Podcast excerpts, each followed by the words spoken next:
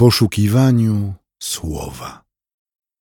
Rozważanie pisma prowadzi ksiądz Piotr Gaś, Kościół Świętej Trójcy w Warszawie. Pragnę Was wszystkich pozdrowić hymnem aniołów, który wznosili na polach betlejemskich. Chwała Bogu na wysokościach, a na ziemi pokój ludziom, których ma upodobanie. Amen. W liście do Kolosan, w drugim rozdziale, w wybranych wersetach czytamy. W Chrystusie są ukryte wszystkie skarby mądrości i poznania. Skoro więc przyjęliście Chrystusa Jezusa jako Pana, to trwajcie w Nim, zakorzenieni i ugruntowani w Nim i umocnieni wiarą, jak Was nauczono, pełni wdzięczności. Uważajcie, żeby Was ktoś nie zniewolił filozofią i próżnym zwodzeniem, opartym na przekazie ludzkim, na żywiołach świata, a nie na Chrystusie. W nim bowiem mieszka cieleśnie cała pełnia boskości i w nim macie pełnię. On jest głową wszelkiej zwierzchności i władzy. Panie, dziękujemy Ci za to świadectwo apostoła. Prosimy, byś błogosławił teraz naszemu rozmyślaniu. Amen.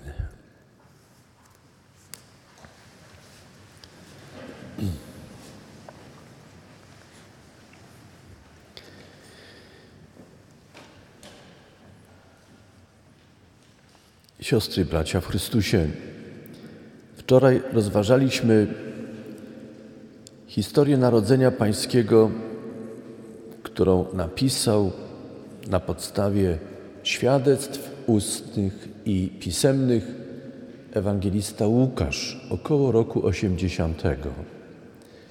Słuchaliśmy dzisiaj Ewangelii według przekazu Jana z tak zwanego prologu. Jak wiemy, ewangelista Łukasz, podając historię narodzenia Jezusa na podstawie znanych i zebranych jemu świadectw, podaje także genealogię Pana, ale nie na początku, lecz po historii narodzenia. I wyprowadza ją, począwszy od rodziców Jezusa, aż do Adama, pierwszego człowieka. To coś innego niż to, co czytamy w Ewangelii Mateusza. Innego nie w sensie inna genealogia, ale inaczej skonstruowana.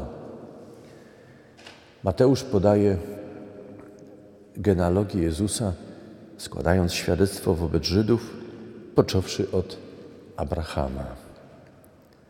Każdy z ewangelistów, mówiąc o Zbawicielu, który przyszedł na świat, mając przed oczami w trakcie pisania swojej Ewangelii, dyktowania jej, swoich słuchaczy, uwzględnia ich wrażliwość i też ich znajomość. Pism Starego Testamentu, znając ich, wiedząc, co dla nich jest ważne w świadectwie, jakich odpowiedzi oczekują na pytania, które stawiają, nie dostosowują się do nich, ale z odwagą, znając pytania i wiedząc, co stało się w Jezusie i przez Jezusa, opowiadają o Nim. Kiedy myślimy o dzisiejszym tekście kazalnym z listu do Kolosan, powinniśmy pamiętać, że tekst ten jest starszy, zarówno starszy od Ewangelii Łukasza, starszy od Ewangelii Jana. List do Kolosan powstał około roku 60. Został napisany przez apostoła Pawła do chrześcijan, których Paweł osobiście nie znał. Paweł bowiem nie założył zboru w Kolosach. Uczynił to jego współpracownik Epafras. Ale Paweł znał ten zbór poprzez relacje założyciela i opiekuna. Wiedział, że jest to zbór pełen Bożych darów, przebudzony, żywy, w których wiara, nadzieja i miłość nie są pustymi słowami. Ludzie ci żyli Bogiem i żyli Synem Bożym objawionym w Betlejem, Dzieciątku Jezus, w Panu Jezusie Chrystusie. Oni właściwie wiedzieli mniej niż my. Nie znali Ewangelii Łukasza, nie znali Ewangelii Jana. Znali słowa Jezusa, które były przekazywane, znali świadectwa apostołów. W jakimś sensie byli ubożsi w wiedzę, ale nie wiedza decyduje o sile wiary człowieka. O sile wiary decyduje zawierzenie Bogu i pozwolenie na to, by Bóg poprowadził człowieka stosownie do tego, co wie, co zostało mu odsłonięte.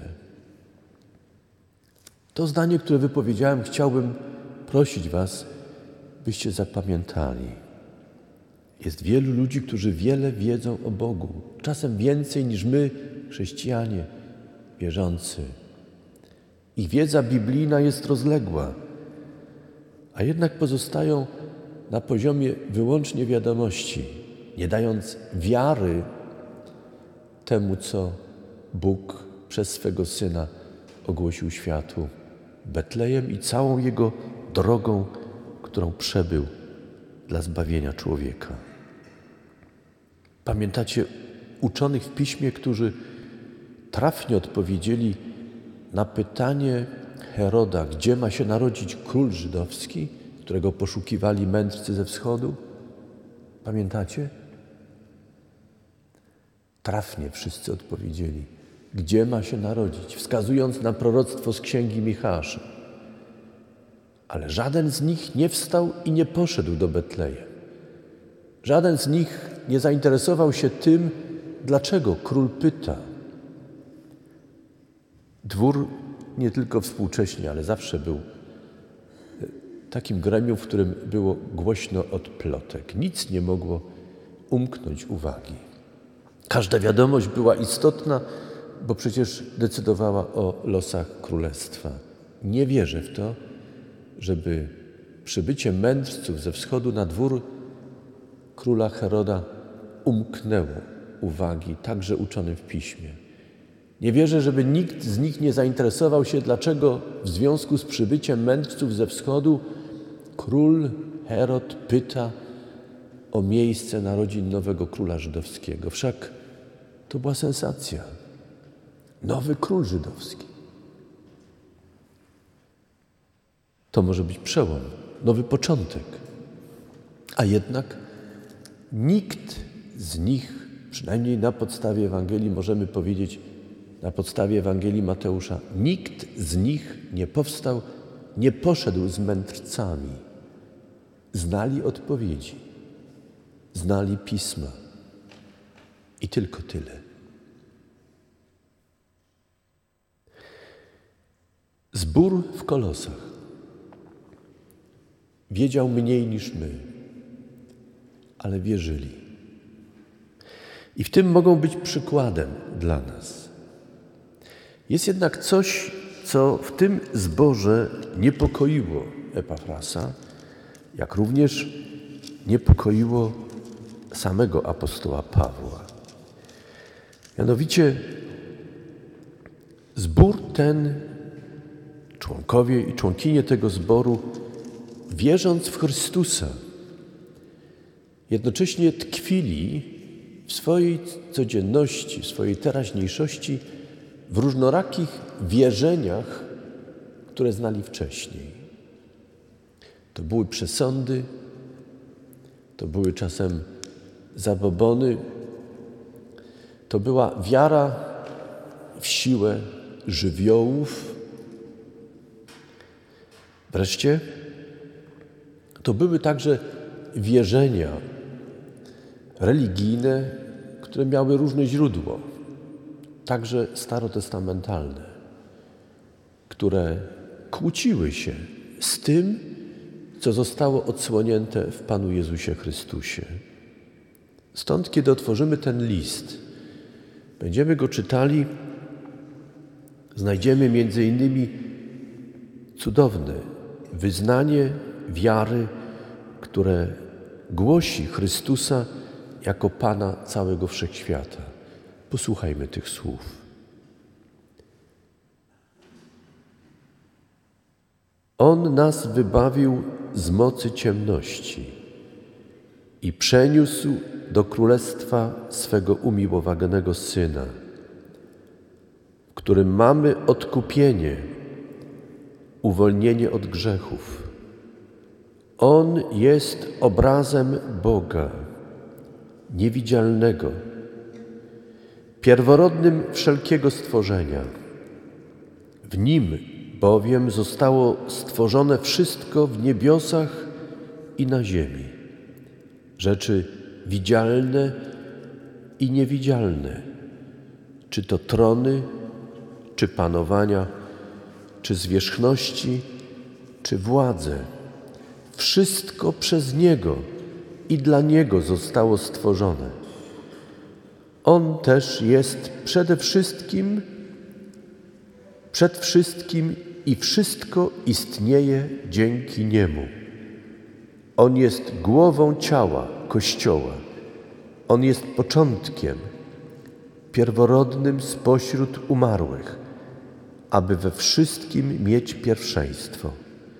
Bóg bowiem postanowił, aby w Nim zamieszkała cała pełnia i aby przez Niego pojednać wszystko z sobą, czy to na ziemi, czy w niebiosach, czyniąc pokój przez krew Jego krzyża. O kim to wyznanie wiary? O Chrystusie. Wczoraj rozważając słowo z Ewangelii według przekazu Łukasza, starając się oddać to, co napisał Łukasz, wskazywałem na Augusta, cesarza rzymskiego, Kwiryniusza, jego namiestnika, na Józefa i Marię, na pasterzy, na aniołów.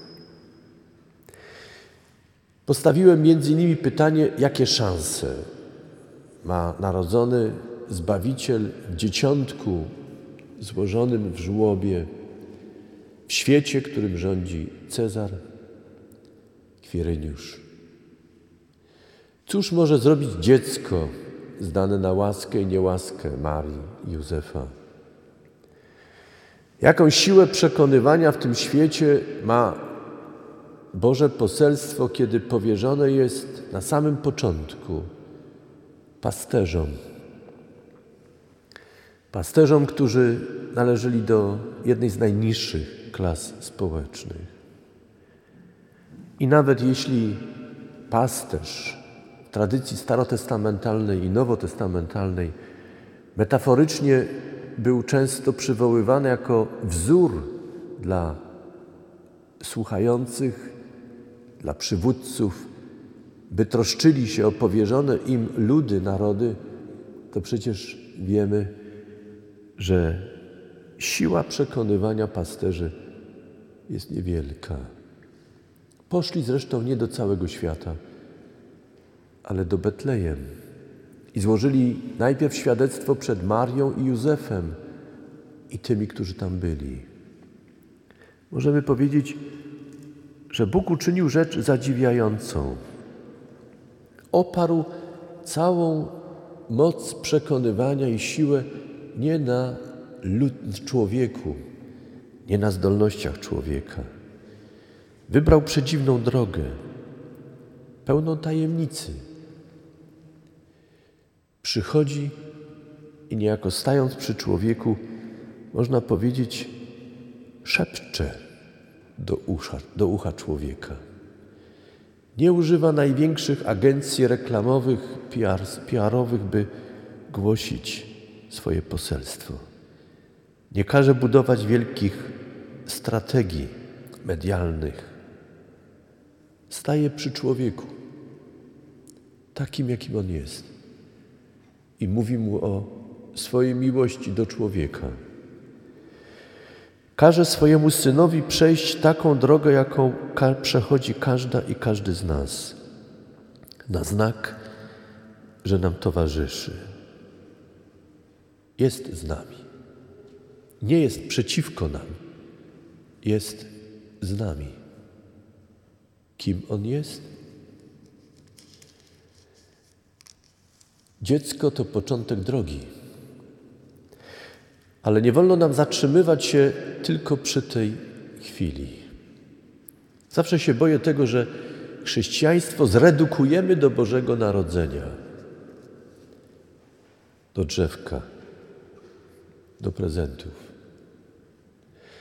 Zawsze się boję tego i we mnie wszystko się oburza, kiedy słucham, jak media pasjonują się tym, która tradycja, jak obchodzi Boże Narodzenie, co się stawia na stole, jakie wierzenia i przesądy z tym są związane. I często zupełnie nie interesuje ich, co głosimy. Jakie poselstwo jest w centrum naszego myślenia. Wszystko jest zredukowane gdzieś do rynku, marketingu, do jedzenia, picia. To straszne. Ginie gdzieś w tym wszystkim poselstwo o tym, o którym czytamy, także w dzisiejszym liście do Kolosan, w tym pięknym hymnie, uwielbiającym, pokazującym, że w tym dzieciątku był ukryty Bóg i Pan, który zniżył się do nas, stał się takim jak my, przeszedł taką drogę jak każda i każdy z nas, by nam uświadomić, że od samego początku do samego końca nie jestem sam, nie jesteś sama.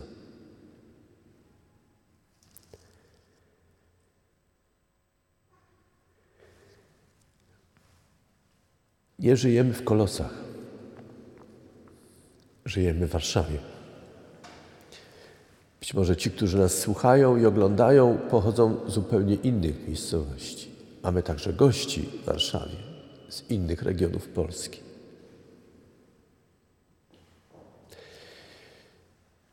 Ale boję się, że niezależnie od tego, skąd przychodzimy, gdzie na co dzień żyjemy, boję się tego, że infantylizujemy Boże Narodzenie. Skupiamy się na tym, co powierzchowne i zewnętrzne. Wprowadzamy do naszego myślenia masę przesądów, które zupełnie przysłaniają nam Chrystusa. Już nie będę pytał, co kładziecie do portfela. Już nie będę pytał, co kładziecie pod obrus. Już nie będę pytał o szereg innych kwestii. Proszę Was, uwolnijcie się.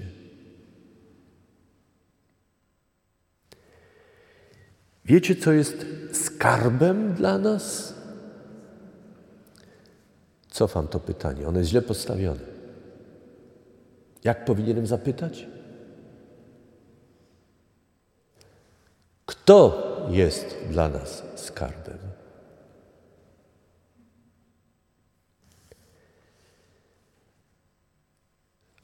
Paweł napisał do zboru w Kolosach: W Chrystusie ukryte są skarby mądrości i poznania.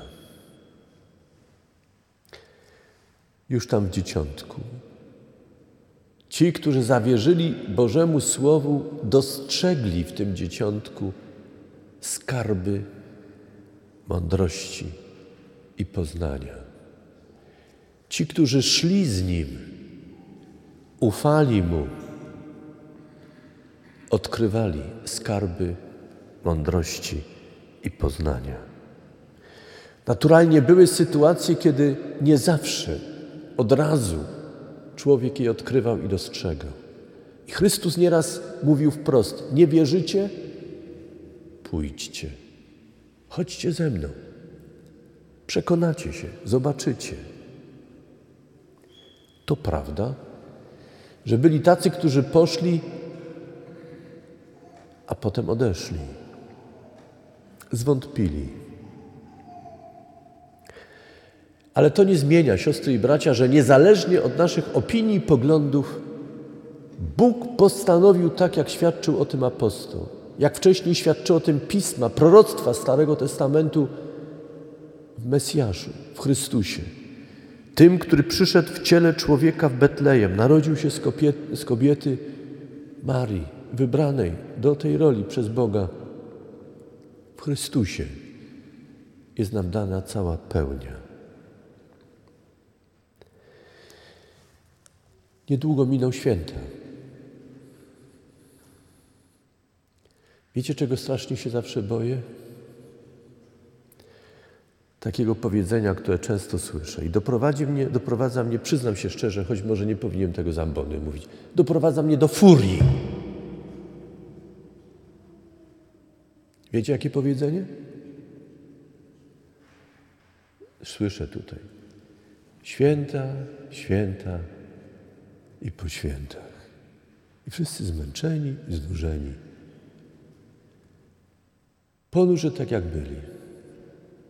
A jeśli im czegoś szkoda, to wszystkiego tego, co Paweł by nazwał przesądem, pustą czczą filozofią, ale nie nazwałby tym, co jest istotą i centrum, prawdziwym skarbem mądrości i poznania. Siostry i bracia, mamy wszyscy szansę. Mamy szansę, by w święto Narodzenia Pańskiego, 25 grudnia, kiedy w liturgii głoszone nam jest Boże poselstwo, na nowo zawierzyć Bożemu Słowu i pozwolić się porwać i poprowadzić Duchowi Bożemu, by pomógł nam odkrywać, odkrywać bliskość Boga uwolnić się z wszystkiego, co nas odwodzi od żywego, zmartwychwstałego Pana Jezusa Chrystusa, który siedzi po prawicy Bożej. Tego, który to prawda, narodził się w Betlejem, ale zanim świat powstał, był. I nie ma początku, bo jest odwiecznym Synem Bożym, z Ojca wieczności zrodzony, który jest Panem i chcę być Twoim i moim Panem w naszym życiu. I chcę nas poprowadzić. Pozwólcie się Bogu poprowadzić. Nie bójcie się, że święta miną. Cieszcie się, że ze świętami nic nie minie. W każdym razie nie przeminie ten, który jest w centrum naszej uwagi naszego rozmyślania. Niech Bóg łaskawy Ojcu, Synu i Duchu Świętym poprowadzi Was. Tym, którym nie miałem okazji wczoraj składać życzenia, a są dzisiaj, życzę Wam błogosławionych świąt. W tym słowie błogosławionych świąt jest wszystko. A jak psalmista mówił, Moim szczęściem być blisko Boga. Przeżywając bliskość Boga, przeżywamy Jego miłość, Jego pokój, szczęście. Wszystko to, czego potrzebujemy, by w najbardziej mrocznym i nieprzyjaznym czasie żyć w pewności, że Bóg nas nie opuścił, Bóg nie odwrócił się od świata. Przychodzi i prosi i wzywa, by świat się nawrócił. To znaczy, by każda i każdy z nas wrócił do Niego.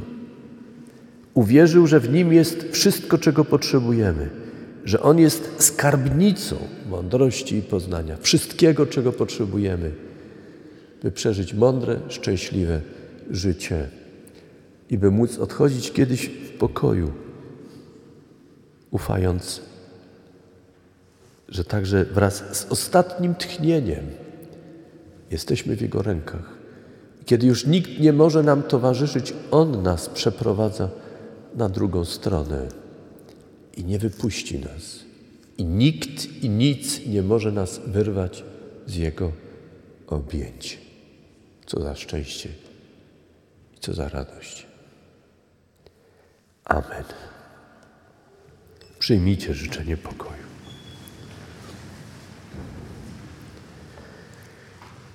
A pokój Boży, który przewyższa wszelkie zrozumienie, niechaj strzeże serc i myśli naszych w Chrystusie Jezusie, Panu i Zbawicielu naszym. Amen.